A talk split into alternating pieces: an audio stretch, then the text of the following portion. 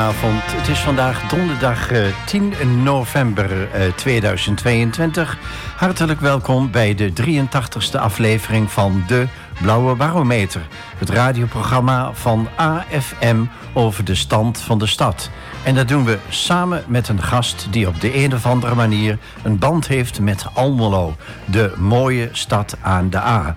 De techniek is vandaag in handen van Diallo en mijn naam is Henk Kooi. Vandaag is de gast Ton Beunen, manager van de Waterstofhub Twente. Welkom Ton. Dankjewel. Je hebt een uh, indrukwekkende loopbaan achter de rug op bestuurlijk vlak. Je hebt tal van functies vervuld. En nu vorm je samen met Gerard Schreuder het management van de Waterstofhub Twente. Wat betekent dat precies, de Waterstofhub? Ja, dat is een heel verhaal. Um, als ik het kort samenvat, uh, het zijn drie elementen. De Waterstofhub is in feite uh, de coöperatie waardemakers in waterstof. Hè, dat is een, groep bedrijven, zo'n 25 bedrijven... en vijf kennisinstellingen in de regio. Universiteit, Hogeschool, ROC, uh, eh, Kiwa en de Hogeschool Arnhem-Nijmegen... die samenwerken om, uh, nou, laat ik zeggen... de waterstofeconomie van Twente een stap verder te brengen. Daarnaast eh, is het een, een programma wat we uitvoeren. Een programma waarbij we kennis willen opdoen uh, over waterstof, de toepassingen van waterstof. Wat komt er allemaal bij kijken? Wat betekent dat voor het uh, onderwijs? En daarnaast, het derde element, het is ook een locatie. Ja, kun je concreet uh, vertellen wat jullie dan precies doen om ja. die waterstof te promoten? Ja, kijk, um, nou, de achtergrond heeft, het heeft natuurlijk alles te maken met de energietransitie. Hè? En uh, wat je wel merkt is dat dat uh, afgelopen half jaar... klinkt heel cynisch, maar door de oorlog in Oekraïne wel uh, enorm is toegenomen... die belangstelling voor wat doen we met onze energie? Hoe zorgen we voor een, een toekomstbestendige energievoorziening? Ja, en in dat plaatje zijn we ook op zoek naar... wat is nou de rol van waterstof daarbinnen? Um, dat betekent om te beginnen dat je zegt van... Um, wat, wat, wat moet je eigenlijk weten, kennen en kunnen om waterstof te produceren? Wat komt er allemaal bij kijken? Ook niet-technische aspecten als vergunningen, veiligheid, leveringszekerheid, betrouwbaarheid. Al dat soort zaken, dat gaan we onderzoeken. Dat doen we samen met de kennisinstellingen ook. En wat is dan waterstof precies? Um, ja, heel simpelweg. Um, je hebt water. Uh, en nou vertel ik het heel simpel even. Je hebt water, dat zet je onder stroom. Eh, via een bepaald proces. En water schrikt, splitst zich in waterstof en zuurstof. Waterstof vang je af en zuurstof mag je ook gewoon vrij laten in de, in, in de lucht. Hebben we ook nog andere bestemmingen voor, maar dan wordt het even ingewikkeld. Die waterstof, die vang je af. En er zijn er twee mogelijkheden. Waterstof ga je verbranden, dan is het dus een vervanging van aardgas. Of je gaat het opnieuw weer in contact brengen met zuurstof. Dat doe je in een brandstofcel. En die brandstofcel produceert dan stroom. Dus je kunt zeggen, de stroom die je in het begin nodig had om de moleculen te splitsen in waterstof en zuurstof, die maak je dan weer vrij. En met die stroom kun je vervolgens een accu opladen. Dat betekent, nou even heel concreet, als je een, eh, een, een vrachtwagen hebt die op waterstof rijdt, die heeft een tankje met waterstof, een paar tanks moet ik zeggen, met waterstof bij zich. Die heeft een brandstofcel en een paar accu's. Die vrachtwagen rijdt elektrisch. Die accu die komt dus steeds leger. En die wordt bijgevuld met die brandstofcel. Daarmee bereik je dus dat uh, waar een normale vrachtwagen, elektrische vrachtwagen, dus een keer 300 kilometer kan rijden, dat een waterstofvrachtwagen misschien wel 1000 kilometer kan rijden. Dus het bereik is veel groter. Nou, dat geldt ook voor andere toepassingen, voor auto's, voor drones, uh, nou noem maar op. Ja. Uh, voor de duidelijkheid, jullie bedrijf of firma, of hoe je het ook wil noemen. Het is een coöperatie. De dus, coöperatie. Ja, Jullie zitten in het voormalige pand van Texas Instruments aan de Kolthof-singel. Ja. Um, is dat toeval of is dat een bewuste keuze geweest om, om daar te gaan zitten? Nee, dit is geen toeval. Um, dat pand is eigendom van Gerard Schreuder. Um, en hij is ook een van de initiatiefnemers uh, van deze waterstofhub, van dit programma. Um, en hij heeft dus een, een deel van dat pand, het is een heel groot pand, 17.000 vierkante meter. Met de waterstofhub hebben we zo'n 1200 vierkante meter. Dus we hebben nog ruimte over. Mochten er eh, partijen zijn die belangstelling hebben in die sector, energietransitie, waterstof, et cetera. Wij willen graag een kenniscentrum, een verzamelpunt van allerlei activiteiten rondom energietransitie en waterstof worden. En als ik binnen in dat pand kom, wat, wat zie ik dan allemaal? Zie ik dan vrachtwagens die uitgetest worden? Of zie ik allerlei laboratoriumflessen uh, pruttelen? Uh, nee, nee zo, zover is het nog niet. Um, uh, we hebben een ruimte van 1200 vierkante meter. Um, daar staan op dit moment daar staat wat apparatuur die we nodig hebben om waterstof te produceren. Um, we hebben 1 megawatt aan zon op het dak. We hebben straks die uh, installatie. Ik hoop dat die in het eerste kwartaal van het komend jaar... dat die dan ook uh, gerealiseerd wordt. Dat de, de, die elementen aan elkaar gekoppeld worden. En dan zouden we in het tweede kwartaal zelf... wat kilo's waterstof kunnen produceren. En hoe lang bestaan jullie al? Um, ja, op papier vier jaar. Maar zeg maar effectief, de laatste twee jaar zijn we echt bezig. Uh, coronatijd was natuurlijk heel lastig, hè, want je moet een netwerk gaan opbouwen. Maar een netwerk bouw je op door persoonlijke contacten. En niet uh, door via een scherm of uh, via de telefoon mensen te benaderen. Is er ook een soort officiële opening geweest? Ja, ja dat was vorig jaar 25 oktober. Ehm, druk bezocht. en dat gaf toen al aan hoeveel belangstelling er is. Zo'n 140 man kwam op bezoek. Wat, wat maakte nu dat al die mensen zo belangstellend waren? Um, ja, ik denk toch dat mensen wel, dat geldt voor burgers, het geldt voor ondernemers, wel begrijpen dat er dingen moeten gebeuren. Um, he, je ziet er niet voor niks ook uh, steeds meer zonnepanelen op daken van woonhuizen. Uh, je ziet dat bedrijven bezig zijn met verduurzaming. Um, en iedereen begrijpt wel dat er, dat er iets moet gebeuren. En wat met name het afgelopen half jaar heeft meegespeeld, is dat we nou tot de ontdekking komen dat waar we ons in de jaren 70 eigenlijk helemaal hadden uitgeleverd aan de Arabieren, hè, we hadden twee keer een oliecrisis, um, dat we nu uh, te veel afhankelijk zijn geworden van uh, Rusland als uh, energieleverancier. En hoe worden jullie trouwens gefinancierd? Um, de deelnemende bedrijven moeten een forse eigen bijdrage leveren. Uh, Gerard Schreuder stopt er zelf ook wat in. En daarnaast heeft de provincie gezegd: uh, dit vinden wij zo'n mooi initiatief. Wij uh, dragen daar nog eens een keer 25% aan bij. Dus het totale werkbudget van ons is ruim een miljoen. Ik kan me voorstellen dat degenen die hebben in ge geïnvesteerd in de waterstofhub Twente daar op termijn iets voor terug willen zien. Ja, dat is voor de deelnemende bedrijven vooral in eerste instantie. Um, kennis opdoen. Nou, wat betekent dat nou voor mij? Hè? Laat ik een, een concreet voorbeeld. Uh, bolletje. Nou, dat is ook een van de, van de eerste partners zelfs. Uh, uh, in de beginperiode waren die al betrokken. Die zeggen van ja, wij gebruiken ontzettend veel aardgas. We zien wel aankomen, dat was nog voor de Oekraïne-crisis. Hè? we zien wel aankomen dat wij richting 2030 van het gas af moeten. We moeten naar alternatieven. Um, ja, en dan kun je die ovens uh, overschakelen op elektriciteit. Maar als ze dat nu zouden doen, dan gaat in Almelo het licht uit. Want uh, het netwerk is daar helemaal niet op berekend. Dus de vraag van Bolletje is... is nou waterstof voor ons een werkbaar alternatief? Bolletje heeft verstand van beschuitbakken en pepernoten en zo.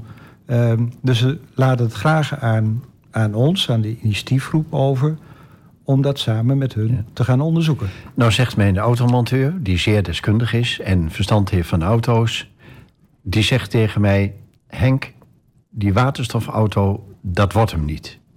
Ja, ja. Wat kun jij dan tegen hem zeggen? De, twee dingen. Uh, eerst plaats, ik heb geen glazen bol. Dus welke kant het op gaat, wist ik het maar. naar bed ik schat hemeltje rijk waarschijnlijk. De tweede plaats, ik denk dat hij wel een beetje gelijk heeft. En en waarom denk ik dat? Kijk, voor personenwagens, ik neem maar dat je geen vrachtwagen rijdt, maar voor personenwagens, um, ja, wat rijden die gemiddeld per dag? Dat zijn minimale afstanden, even afgezien van uh, vertegenwoordigers die uh, 100.000 kilometer per jaar rijden. Ik geloof gemiddeld 7, 8 kilometer. Ja. Um, een batterijauto, ik rij zelf ook elektrisch, gaat prima. Ik ga er ook mee op vakantie naar Oostenrijk, Zwitserland, Italië. Geen enkel probleem. Dus voor dat soort gebruik voldoet een batterijauto prima. Ik denk dat daarnaast altijd, je hebt nu twee modellen op waterstof. Ik weet dat Volkswagen en BMW ook bezig zijn met waterstofpersonenauto's. Er zijn altijd mensen die zeggen van, maar ik wil zo'n waterstofauto. Net zo goed als je vroeger uh, auto's had op LPG. Zoals je nu nog diesel en benzine hebt. Ehm, dus ik, ik denk dat er altijd een markt is voor uh, waterstofauto's. Maar voor personenauto's denk ik dat het nou, 90% eh, elektrisch zal zijn. Okay. Ton, ik leg je zo dadelijk vier stellingen voor. En daarna vraag ik je um, hoe jullie, Gerrit Schreuder en jij, de taken hebben verdeeld.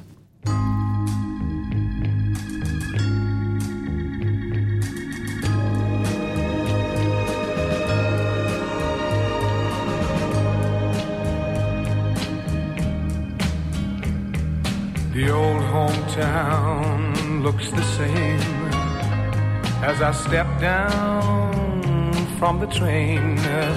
And there to meet me is my mama and papa. Down the road I look and there runs Mary, hair of gold and lips like cherries. It's good to touch the green, green grass of home. Yes, they'll all come to meet me, arms reaching, smiling sweetly. It's good to touch the green, green grass of home. The old house is still standing, though the paint is cracked and dry.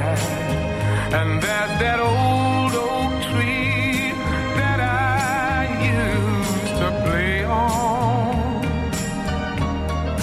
Down the lane I walk with my sweet Mary, hair of gold and lips like cherries. It's good to touch the green, of home. Then I awake and look around me at four gray walls that surround me. And I realize, yes, I was only dreaming. For there's a God and there's a sad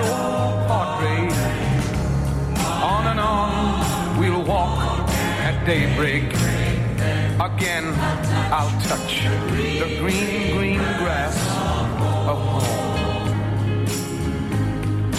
Yes, they'll all come to see me in the shade of that old oak tree as they lay me neath the green, green grass of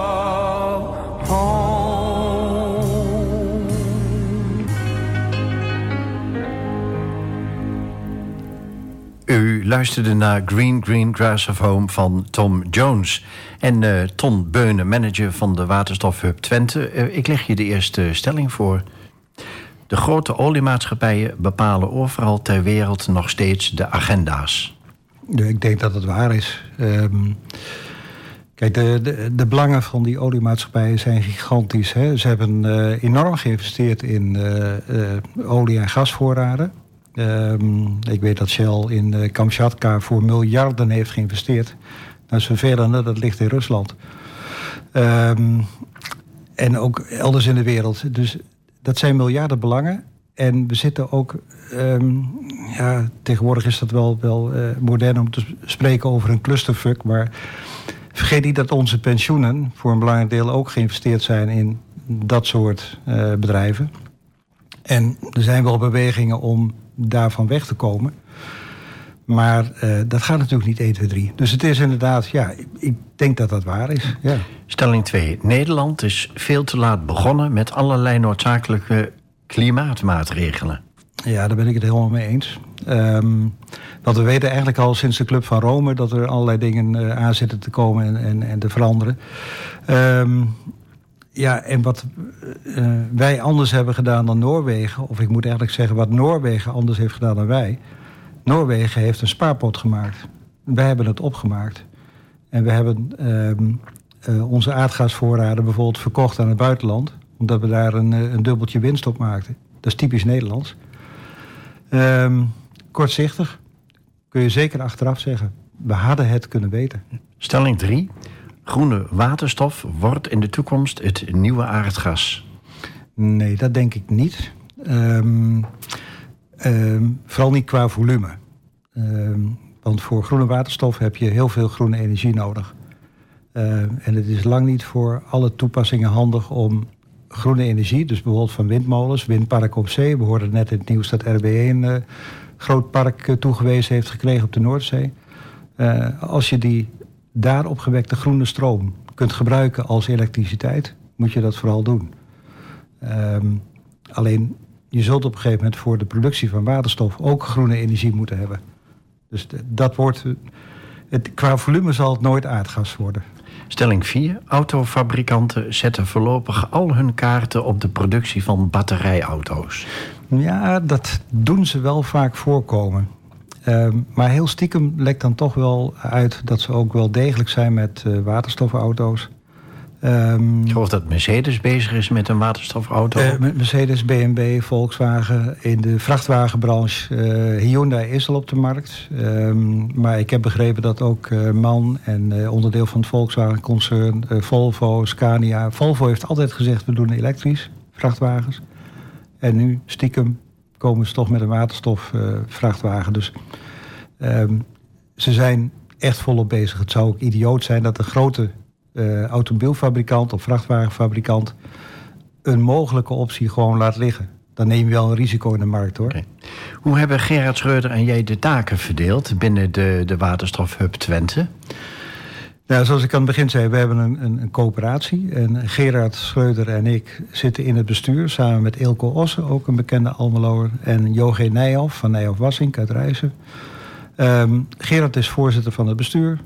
Ilko Os is penningmeester, Joachim Nijhoff is secretaris. En ik ben lid en zeg maar uitvoerend bestuurder, manager van de, van de waterstofhub. Ja. Dus al die mensen hebben toch min of meer een direct of een indirect belang in de ontwikkeling van waterstof. Ja, en dat geldt voor de aangesloten leden van de coöperatie ook. Hè? Dat, ja. Uh, en ja, ieder bedrijf heeft zijn eigen reden om mee te doen. Maar als je kijkt naar uh, uh, kijk, VDL Energy Systems, ook hier in Almelo, doet ook mee, heeft natuurlijk een ander belang dan uh, Bolk. Of Neutenboom koffiebranders of uh, Bolletje, of nou, noem maar op. Wat willen jullie of pak een beet vijf of tien jaar bereikt hebben?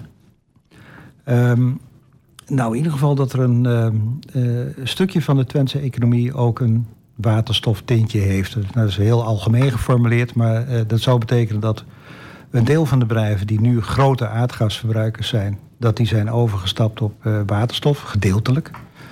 Um, maar dat we ook um, zelf onderdelen produceren die voor de productie van waterstof uh, belangrijk zijn. Kijk, als VDL Energy Systems een eigen electrolyzer kan ontwikkelen, of een eigen unit, waarbij een electrolyzer een onderdeel is, um, dan betekent dat ook gewoon werkgelegenheid hier. En dat past ook wel bij, uh, bij Almelo, bij Twente. Uh, de maakindustrie, met name die metalen en elektrotechniek. Dat hoort bij deze regio. Dus daar moeten wij ook een graadje ja. van meepikken. Um, heeft dat mede toe bijgedragen, die centrale plek, uh, om je te vestigen, namelijk Almelo? Um, nou, de, de locatie, hè, dat, dat pand, dat mooie oude fabriekspand, uh, uh, dat was beschikbaar. Dus dat, dat kwam eerst. Um, maar ik denk wel dat het terecht is dat we hier zitten. Als ik kijk naar de samenstelling van, van de leden van de coöperatie. Een flink deel van de bedrijven komt hier uit Almelo en directe omgeving. En dat heeft alles te maken met de economische structuur van Almelo. Je zei, ik kan niet koffiedik kijken.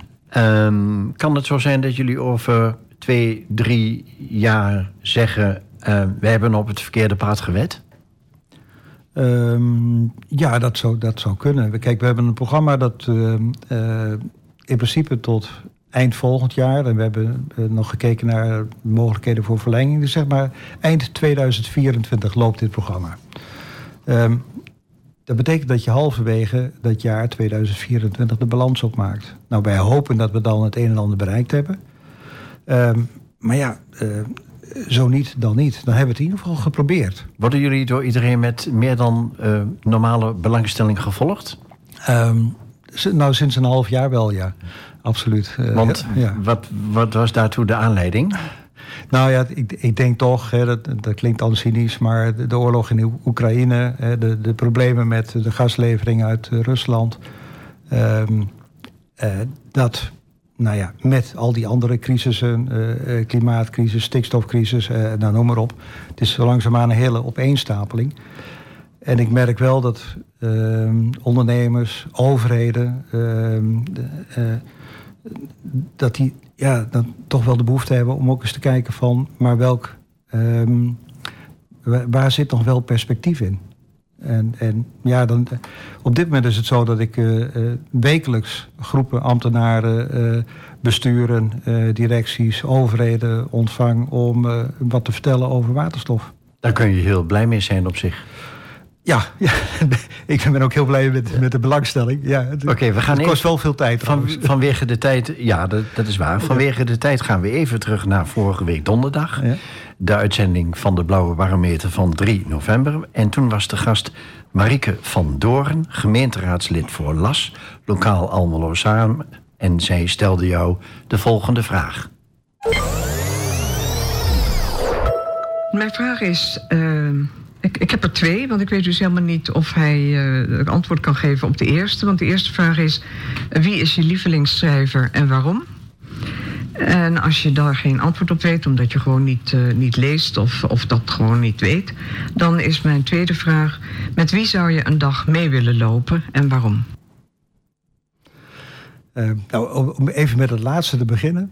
Uh, ik zou wel eens een keer willen meelopen met Frans Timmermans. Eh, eurocommissaris in Brussel. Um, om twee redenen. Ik heb ooit eind jaren tachtig uh, gesolliciteerd in, in Brussel bij de Europese Commissie. Ik ben daar aangenomen, maar ik kwam op een wachtlijst omdat eerst 1200 ambtenaren uit Spanje en Portugal moesten instromen. En dan kwam je als Nederlander pas weer aan de beurt. Hebben ze toch een kans gemist? nou, dat, dat, weet ik niet, maar, maar uh, uh, nee, dus ik, ik ben eigenlijk wel heel nieuwsgierig hoe dat nou eigenlijk uh, gaat hè, achter de schermen. En ja, de tweede plaats natuurlijk gewoon het onderwerp. Hè. Hij is onze klimaatcommissaris, dus dat... dat ja, ik zou het heel mooi vinden om, uh, om daar eens een dagje mee te lopen. Vind je hem trouwens goed bezig? Um, ja, ik, ik vind dat hij uh, um, best wel durf heeft. Um, ik, ik vraag me soms wel af of hij uh, voldoende investeert in de, in de relaties. Hij kan nog heel stellig overkomen. En ja, soms uh, vang je toch meer vliegen met, met stroop dan met azijn. Maar okay. en die, die, eerste vraag was... Ja? Ja, ik, ik heb niet één specifieke schrijver. Um, maar um, uh, waar ik nog altijd um, heel veel bewondering voor heb... is uh, Martin Toonder. Dat is misschien verrassend, maar... de manier waarop hij uh, ook toen al... bepaalde ontwikkelingen in de maatschappij beschreef... in zijn geheel eigen taal... Aan de hand van twee figuren, Olivier B. Bommel en Tom Poes... Uh, dat, dat vond ik altijd heel inspirerend. Maar, maar verder lees ik eigenlijk vooral uh, non-fictie. Zo'n boek als van, van Rut, Rutger Brechtman, De meeste mensen deugen. Ja, dat, dat vind ik dan heel mooi om te lezen. Straks vraag ik je alles over groene waterstof.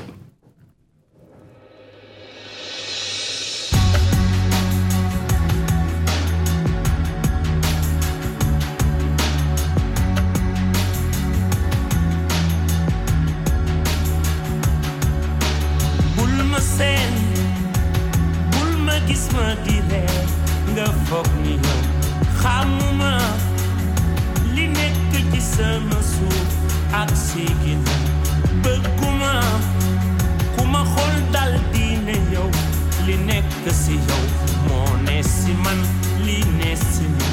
Dile di leen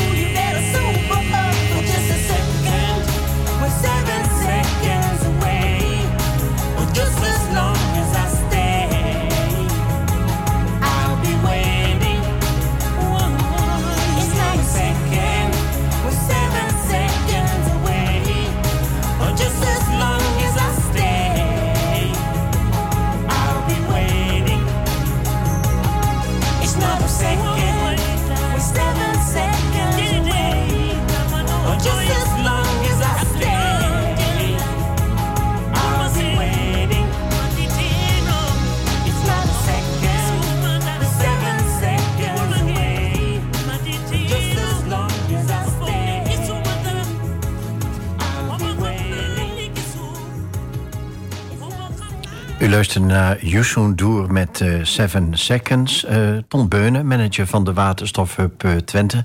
Van waar jouw eerste verzoeknummer? Ja, ik heb wel wat met, met Afrika. Dat gaat ook, dit liedje gaat ook over ehm, dat als een kind geboren wordt... dat hij dan nog geen besef heeft van wat voor kleur hij heeft... en waar hij terecht is gekomen. daar ga je ook zelf niet over. Um, maar Afrika heb ik leren kennen op een paar ehm, uh, werktrips, zeg maar. Ehm, als een, een, continent met ontzettend veel potentie. Heel veel mogelijkheden. Heel veel jonge mensen die je uh, graag een toekomst zou willen geven. Um, en uh, in, in Gambia heb ik een project gedaan... wat door de overheid werd geleid. En toen dacht ik na drie weken van, wat hebben we nou bereikt? In Tanzania hebben we echt intern gezeten... op 3000 kilometer van de kust, geloof ik... Uh, in het, diep in het binnenland, in het hartje van donker Afrika, tegen de grens van uh, Rwanda aan. Um, en, en gewoon ook bij de mensen thuis. Uh, geholpen bij het, de bouw van een schooltje. Um, ja, dat, ik, ik was daar echt diep van onder de indruk. Ik denk dat we daar veel meer in moeten investeren. Hoe komt het dat wij een eenzijdig beeld van Afrika hebben? Ja, wat wij zien zijn natuurlijk alleen maar aan de ene kant uitwassen. Denk aan corruptie en dergelijke. En uh, de vluchtelingenstroom uh, ja, uit landen waar het gewoon onveilig is. Uh, of waar je geen bestaansrecht hebt. Waar, waar je geen bestaan kunt opbouwen. En dat zijn dan de economische vluchtelingen. Maar als je daar een keer hebt rondgelopen... dan snap je best wel dat mensen daar weg willen. en als we dat willen bestrijden... Ja, dan moeten we zorgen dat ze daar bestaansrecht hebben. En nou ja, daar, dat, dat vond ik heel mooi om te zien. Dat, dat, daar moet je ook voor naartoe om dat zelf te ervaren. Oké, um, je hebt tot nu toe aardig wat verteld over waterstof. Maar laten we het eens hebben over groene waterstof. Want dat is iets heel anders. Um, ja, nou, de, de, de, chemisch gezien is het niet wat anders. Hè? Dus, uh, maar je hebt grijze waterstof, je hebt blauwe waterstof, je hebt groene waterstof. Um, Kijk, de, de, van aardgas kun je ook waterstof maken. Um, maar daarmee los je geen CO2-problemen op. Um, dan zit je nog steeds gelinkt aan fossiele brandstoffen. Groene waterstof is gebaseerd op groene energie. Dus dat zijn windparken op zee, dat uh, zijn grote zoninstallaties. Um, dat is nagenoeg CO2-vrij. Uh, blauwe waterstof dan vang je de CO2 af. Uh, ja, dan is het restant wat je overhoudt is dan wel groen. Maar je zit nog met een CO2-probleem. En dat moet je ergens onderbrengen. Dat moet je oplossen. Uh, ja, en uh, ik snap dat het misschien een tussenfase kan zijn waarbij je dat doet. Maar uiteindelijk moet het doel zijn uh, groene, duurzame energie gebruiken om waterstof te produceren. En is die groene energie eh, voldoende voorhanden? Bijvoorbeeld in Nederland? Nee, zeker op dit moment niet. Um, uh, ik geloof dat ik het laatste plaatje zag uh, waarbij we uh, de volledige energiebehoeften van Europa zouden projecteren op een nou, beperkt stuk, ik geloof de grootte van de provincie Utrecht, in de woestijn, in de Sahara, ergens in Algerije. noem maar even wat. Hè. Dus er zijn landen waarbij de, de voorwaarden om groene energie, groene waterstof te produceren veel gunstiger zijn dan in Nederland. De vraag is of je altijd uh, afhankelijk wil zijn van derde landen, van landen buiten Europa. Daar hebben we toch de afgelopen decennia wat slechte ervaringen mee. Um, maar ik, ik zie in de toekomst wel een mix tussen uh, wat we van ver halen, bijvoorbeeld uit de Sahara, en wat we zelf produceren, bijvoorbeeld met windparken op zee. Oké. Okay. Um, waterstof is één, maar dan moet er nog een netwerk uh, bij komen. Hè? Ja. Uh, koolgas, Technology Base, ik weet niet of ik het goed zeg, en ja. de Twentse Safety Campus, die willen een proefnetwerk voor waterstof maken. Um, wat weet jij daarvan? Nou, Koolgas is een van de partners in de hub. Uh, dus, of in die coöperatie eigenlijk. Hè.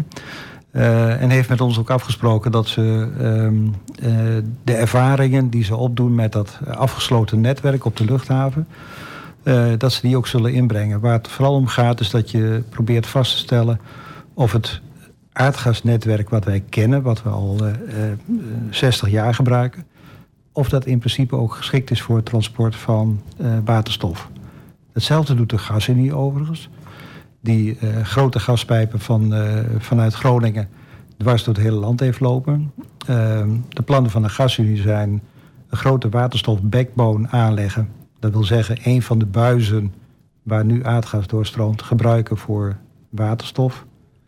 En ook daar testen van, moeten we technische aanpassingen verrichten? Hoe zit het met de veiligheid? Lekt het niet? Waterstof gedraagt zich anders dan aardgas.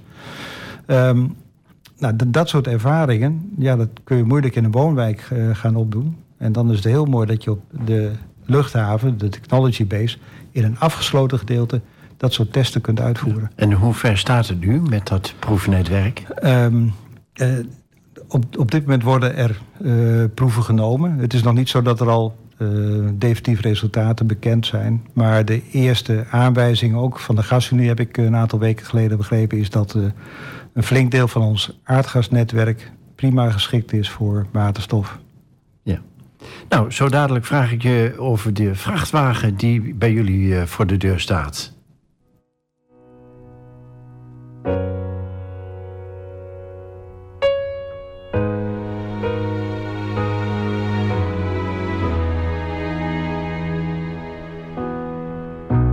Someone put a lock on this. It's been beaten up and used and more.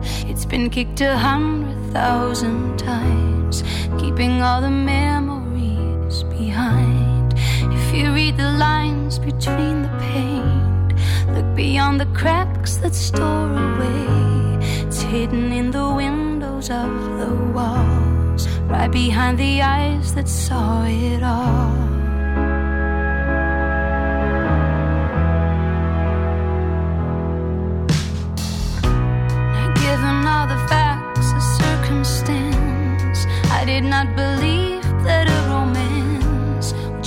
Itself in all this dark and blue. That's the only place I ever knew. You put me outside my safety zone, outside all the lines that made my home, to find out that no one really lives without giving what.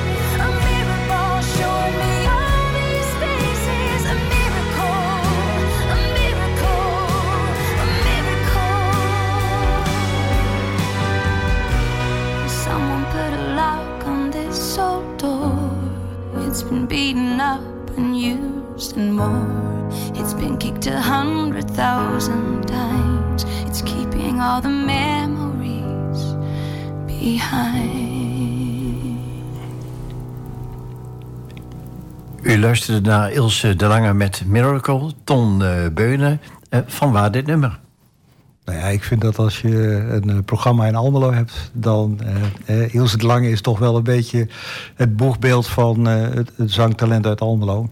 Ehm, dat hoort er gewoon bij. Ik fietste langs jullie vestiging en toen dacht ik, hier wil ik meer van weten. En toen zag ik een ontzettend grote vrachtwagen voor de deur staan. Kun je daar iets over vertellen? Nou, die vrachtwagen, het staat er ook op, hè, dat die wordt uh, omgebouwd op waterstof. Ehm, eh, die hebben we uh, van Nijhoff Wassink. Het is een hybride vrachtwagen. Dat betekent dat hij niet alleen een dieselmotor heeft, maar ook een elektrische aandrijflijn. En de bedoeling is dat we samen met het ROC, de mensen van auto- motorvoertuigentechniek, dat we die het komend jaar gaan ombouwen op waterstof. En niet om nou een, een hele uh, assemblagelijn uh, te gaan ontwikkelen, maar gewoon om de studenten uh, te laten zien wat het allemaal betekent en te leren werken met, met waterstof. Hè, wat kom je dan allemaal tegen? Um, want linksom of rechtsom, de studenten die nu automotorvoertuigentechniek doen, die komen over een paar jaar gediplomeerd van school.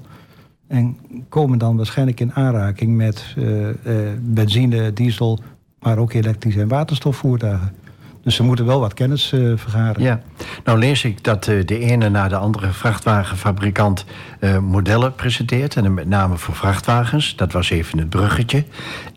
die dan ook op waterstof of groene waterstof rijden. Maar dan zie ik allerlei vrachtwagens en bestelbusjes in Nederland rondrijden. En ik zie er nauwelijks eentje op waterstof. Ja, dat is uh, twee oorzaken. Uh, om te beginnen, waterstofvrachtwagens zijn nog heel schaars. De enige fabrikant die op dit moment echt waterstofvrachtwagens uitlevert, is Hyundai. en om even een beeld te geven, die hebben vorig jaar 50 vrachtwagens voor heel Europa beschikbaar gesteld en dit jaar 150. Ehm, daarnaast heb je in Hoge Zand nog Hyzon, die vrachtwagens assembleert. Uh, maar het zijn stuks, hè, dus dat, dat zijn enkele exemplaren telkens. Um, dat is één reden, dus ja, als het niet verkrijgbaar is, zie je ze ook niet rijden. Het tweede is dat ook vanwege die geringe productie de prijs echt hoog is. En voor een transporteur als Bolk bijvoorbeeld is het op dit moment uh, zonder subsidie niet interessant om een uh, waterstofvrachtwagen aan te schaffen. Nou las ik dat uh, Fountain Fuel bezig is om een, een netwerk van energiestations te bouwen, want daar schort het denk ik nog aan. Ja, dat is een bekende kip-ei-verhaal. Had je in het begin met elektrische auto's ook. Ehm, ja, je kunt wel zo'n voertuig aanschaffen, maar als je nergens kunt laden Um, wat dat betreft zou Nederland wel een voorbeeld kunnen nemen aan Duitsland. De Duitse overheid heeft gezegd: wij willen in 2025 400 laadstations, vulpunten voor waterstof langs de autobaan hebben.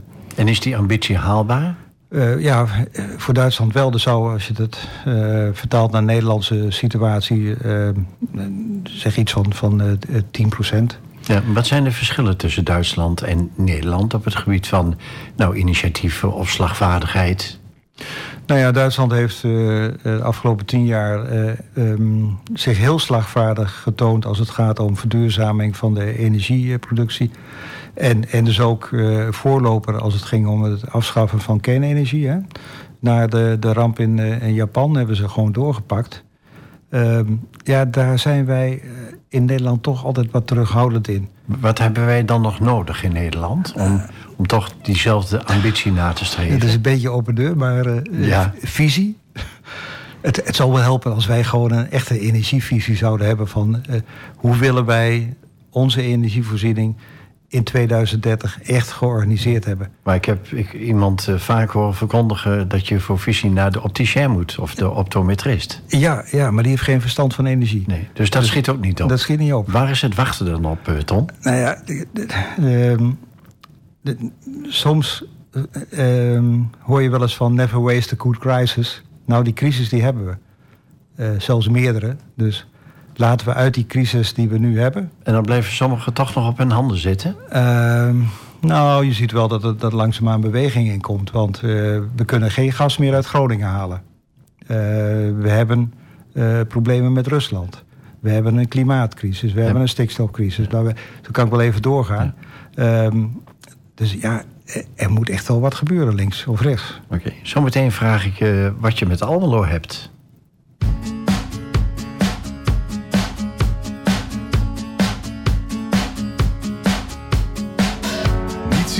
Beter dan met jou de kou trotseren.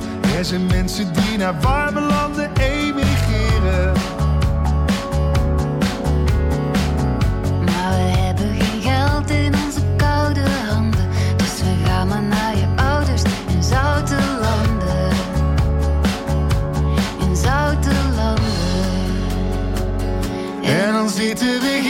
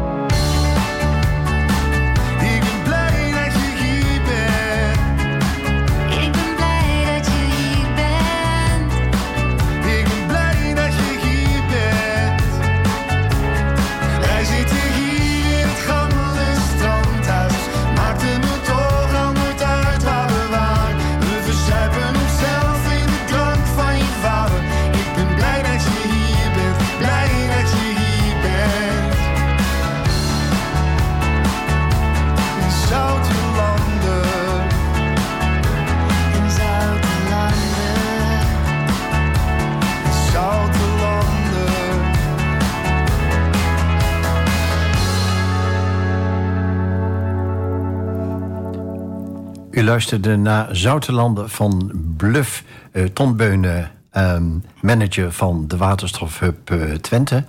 Ehm, van waar dit nummer? Eh, Sweet Memories. Eh, Verklaar je nou. midden jaren 70 leerde ik een hele mooie meid kennen.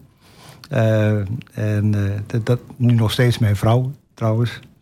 Ehm, en eh, wij gingen eh, met, met ons gezin vroeger eh, altijd op vakantie naar de bergen, Oostenrijk, Zwitserland.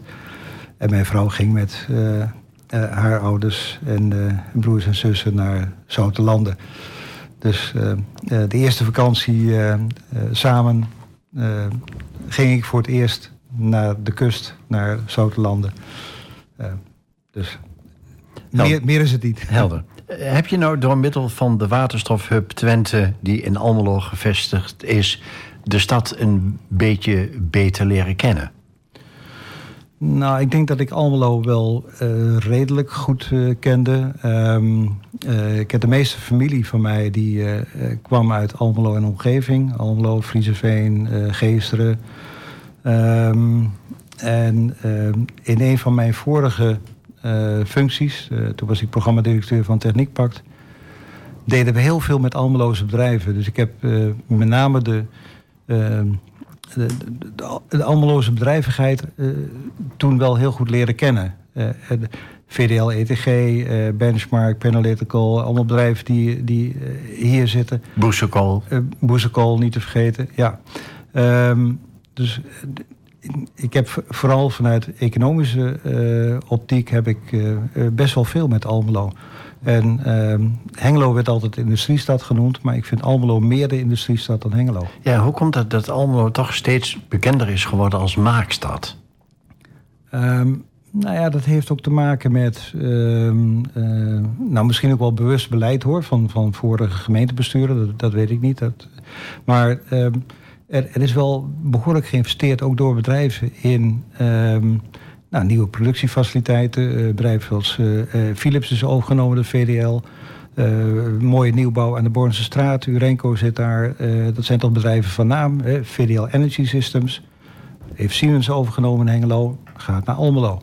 Ehm, dus je ziet ehm, ja, toch als het ware een, een concentratie van dat soort bedrijvigheid ontstaan. De echte maakindustrie in, eh, in Almelo. Het succes van de maakindustrie heeft ook een keerzijde, want het lokt steeds meer openbare ruimte en natuur op. En eh, nou, in Almelo is er volop discussie over XL Business Park 2. Eh, daar weet jij iets van? Nee, daar weet ik niet zoveel van, behal- behalve dat er over gediscussieerd wordt. Ehm, eh, ja, kijk, we zijn een klein landje, we moeten woekeren met, met, met ruimte. Eh, wat, wat ik wel zie is dat er eh, ook elders nog wel potenties zijn. Eh, Er wordt niet voor niks nou... ik, kom vanmiddag vanaf de luchthaven hier naartoe. Daar ligt nog ontzettend veel ruimte. Ik weet dat daarover gediscussieerd wordt. Ehm, ik moet zeggen dat ik daar niet zo'n visie op heb. We zullen wel werkgelegenheid moeten, moeten geven aan de Twentse bevolking. En daar hoort ook ruimte voor bedrijvigheid bij. Ja. Je, je komt overal, hè, dat heb ik toch een klein beetje de, de afgelopen decennia. eh, nou, eh, jouw volgende eh, gehoord en gezien. En wat, wat zeggen mensen tegen je als je zegt: Ik ben de manager van, van de Waterstofhub Twente? Moet jij nou niet een keer met pensioen, zeggen ze dan, Ja. eh, als ze mij wat beter En kennen. wa- wat zeg je dan, eh, Tom? D- nou ja, daar, daar, daar, ik ben nu ruim 68, maar ja, ik voel nog niet de behoefte om met pensioen te gaan. Ehm, en dat is omdat de dingen die ik doe, vind ik zo ontzettend inspirerend. Ehm, ik, ik wil dat nog graag blijven doen. En zolang je daar fysiek en, en, en geestelijk goed toe in staat bent, moet je dat ook vooral doen, vind ik. Waarom zou je op een door eh, de, de staat vastgesteld moment met pensioen gaan? Ja, ja, dat is inderdaad een goede vraag. Voel jij jezelf, eh, als je terugkijkt eh, hè, naar de afgelopen decennia en ook naar je huidige functie, voel je jezelf dan een soort pionier, een soort ontdekker? Ehm, nee, want dan zou je helemaal vooraan zitten. Ik ben wel iemand die graag ehm, dan eh, de dingen oppakt en ze organiseert, partijen erbij zoekt, eh, de, de, de organisator en de verbinder. Eh, eerder dan de, de, de pionier die helemaal in de blind ergens naar op zoek gaat. Maar daar vlak achteraan, dat vind ik wel heel prettig om daarin te werken, in die sfeer. Wanneer schat je het moment daar dat je kunt zeggen, nou, nu neem ik afscheid van de Waterstofhub Twente? Ehm, nou, ja, ik heb mezelf wel voorgenomen om dit programma, eh, wat minimaal een jaar, nog anderhalf jaar, misschien twee jaar, eh, eh, hebben we dan nodig om dat programma af te wikkelen. Ehm, dat wil ik wel graag afronden. En ja,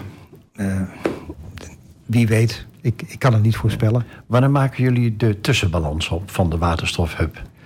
Ehm, de eerste tussenbalans hebben we net eh, in september al opgemaakt. Hè. Dus we hebben gekeken van waar staan we nu en wat zijn de projecten waar we mee doorgaan en eh, waar moeten we even wat minder aandacht aan besteden. Welke conclusies kunnen jullie tot nu toe trekken? Eh, dat we in ieder geval voor de proces- en foodindustrie, voor het transport, voor bouw en installatie en voor de maakindustrie zelf, dus VDL, Demcon, dat soort bedrijven, Boezekol, dat we daarmee verder gaan. Eh, de link die we in eerste instantie ook zagen met eh, mestvergisters, dat hebben we even op een laag pitje gezet. Zien de mensen die meedoen progressie in de ontwikkelingen van, van de Waterstofhub? Ja, ja nee, dat merk ik aan het enthousiasme wat er, wat er nu is bij ook de deelnemende bedrijven. Ja, ik, ik denk dat iedereen wel ziet van hier gaat wel wat gebeuren. We weten de uitkomst nog niet, maar het is goed dat we ermee bezig zijn. Ze zijn op de rijdende trein gesprongen. Ja, maar hij ligt nog niet op topsnelheid. Het is nog geen. eh, eh, het is af en toe nog een boemeltje. Eh, we hopen dat het al snel een intercity wordt. Ja. Ehm, ik kan me voorstellen dat je los van je huidige functie nog een aantal dingen nou, op het nachtkastje hebt liggen van wensen of dromen die je nog een keer zou willen bereiken. Ehm, nou, niet, niet zo. Ik, ik slaap heel goed. Ik geloof niet dat ik erg, erg veel droom. Ehm, nee, wat, wat, ik, eh, wat ik mooi zou vinden is als we als, als regio, als we echt eh, nu in deze energietransitie ook weer een nieuwe weg vinden. Net zo goed als we dat hebben gevonden toen de textiel hier verloren ging. Dus eh, als ik daar een bijdrage aan kan leveren, als ik daar wat in kan doen, ja. Ja. Iedere gast vragen we ook eh, de bekende vraag: als je een toverstokje had, wat zou je dan in of aan de wereld willen veranderen? Ehm, ja, wat, wat, wat minder eh, zelfzucht. wat, wat, wat meer ook compassie met, met, met de anderen. Eh, een, bereidheid om het wat eerlijker te verdelen. Kijk, als je nou kijkt naar wat er in Egypte gebeurt, hè, die, die klimaatconferentie. Ehm, het is toch duidelijk dat wij als eh, welvarende landen heel veel milieuschade hebben veroorzaakt. En dat het juist de arme landen zijn die eronder te lijden hebben. Ja, dan, dan moet je bereid zijn om die arme landen ook te helpen. Wij hebben ervan geprofiteerd. Laten we ze de helpende hand toereiken. Eh, ons past nederigheid. Altijd. Eh, tot slot, eh, wat is jouw woord voor de wereld? Wat wil je sowieso kwijt nu? Omdat je er vol van bent of omdat je gewoon vindt dat iedereen dat moet weten? D- nou ja, omdat, heb ik net eigenlijk al gezegd van, eh, laten we gewoon eh, ehm, openstaan voor elkaar en, en, en, en niet onszelf vast timmeren in hokjes. En zorg gewoon dat je, dat je elkaar probeert te begrijpen.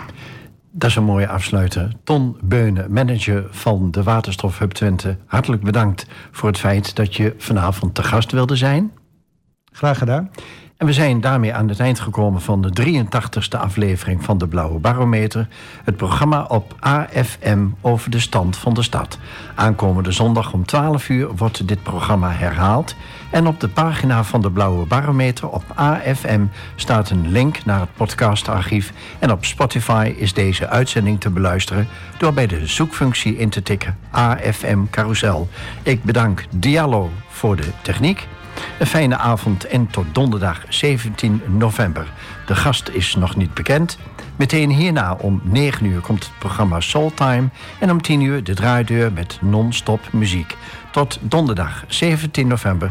Tot dan.